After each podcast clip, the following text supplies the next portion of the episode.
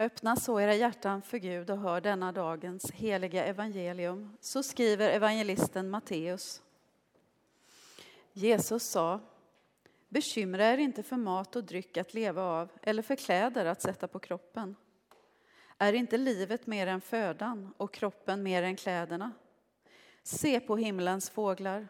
De sår inte, de skördar inte och samlar inte i lador, men er himmelske fader föder dem. Är inte ni värda mycket mer än dem?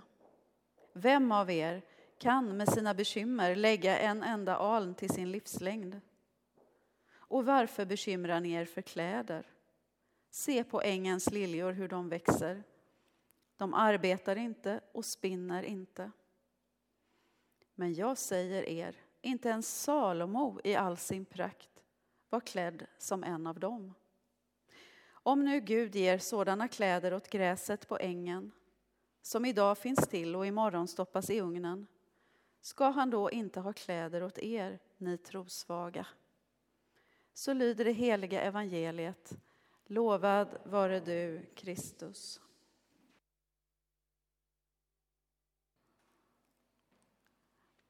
Att för mig på morgonen cykla hemifrån till stationen i Kungsbacka, det är som att cykla genom en Technicolor Disneyfilm från 50-talet.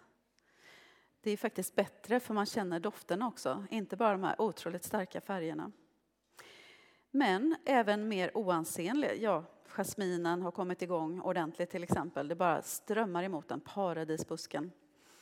Eh, men även mer oansenliga buskar doftar. Och tillsammans så blir det där på morgonkvisten en liten symfoni som påminner mig om Guds storhet och skönhetssinne.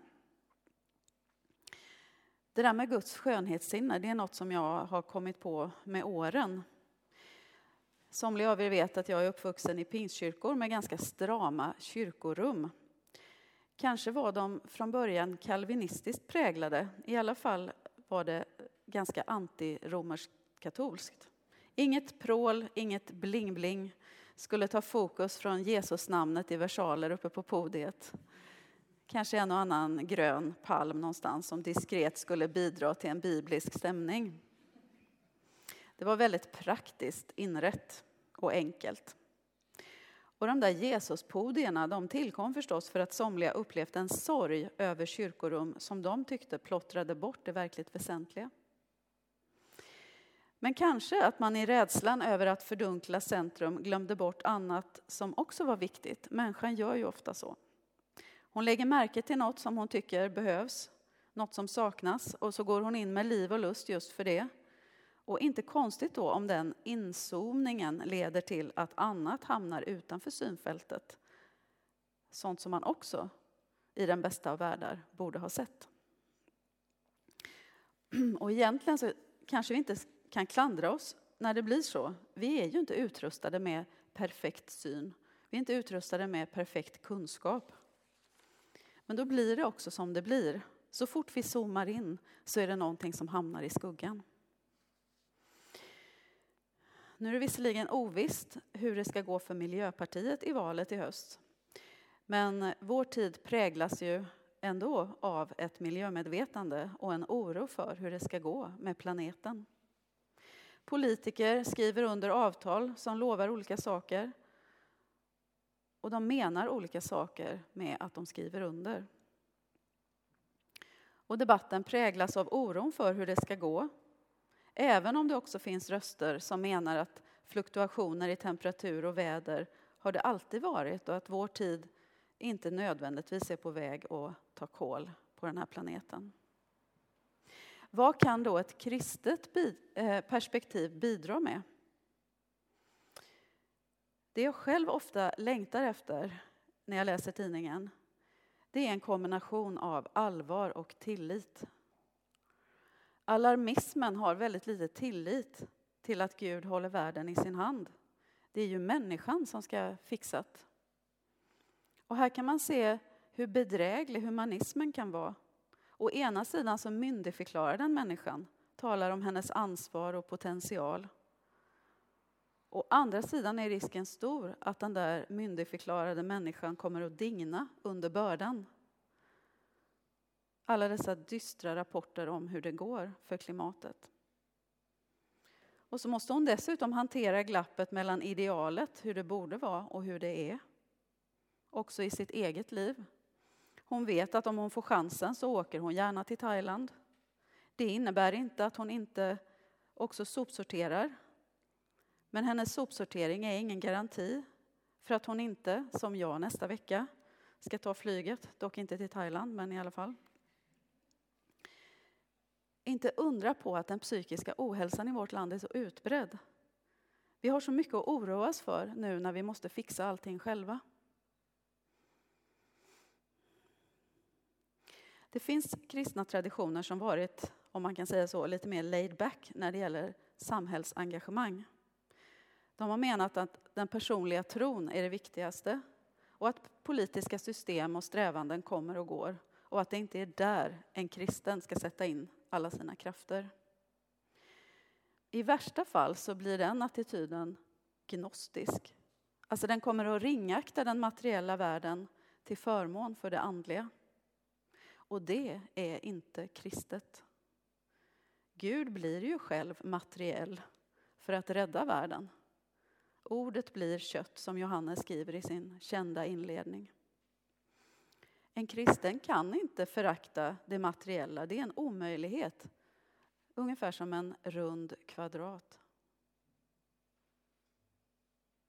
Men hur ska vi då bära oss åt för att älska världen och försöka förvalta den som Guds älskade skapelse och samtidigt inte tappa tilliten till att det ytterst är Gud som håller allt i sin hand? Jesus säger ju faktiskt eh, att vi inte ska vara rädda för dem som kan döda kroppen utan frukta honom som kan döda både kroppen och själen. Och det Jesus varnar för det är människofruktan istället för gudsfruktan. Om vi fruktar Gud på rätt sätt så behöver vi inte vara rädda för människor. Och jag tror att det också betyder att om vi fruktar Gud på rätt sätt så kommer vi att ha en bättre möjlighet att förvalta hans skapelse än om vi tänker att vi är utlämnade åt oss själva. Och därför behövs det kristna röster i samhällsdebatten och förstås inte bara när det gäller miljöfrågor. Kristna röster som förmedlar tacksamheten inför Guds storhet, inför förmånen att få finnas till. Om tacksamhet ligger i botten av ett engagemang så kommer inte oron att bli en avgud. Förr så var människor rädda för helvetet. Nu vill ju kyrkan hellre att människor av glädje och tacksamhet håller sig nära Gud, inte av rädsla för vad som annars händer.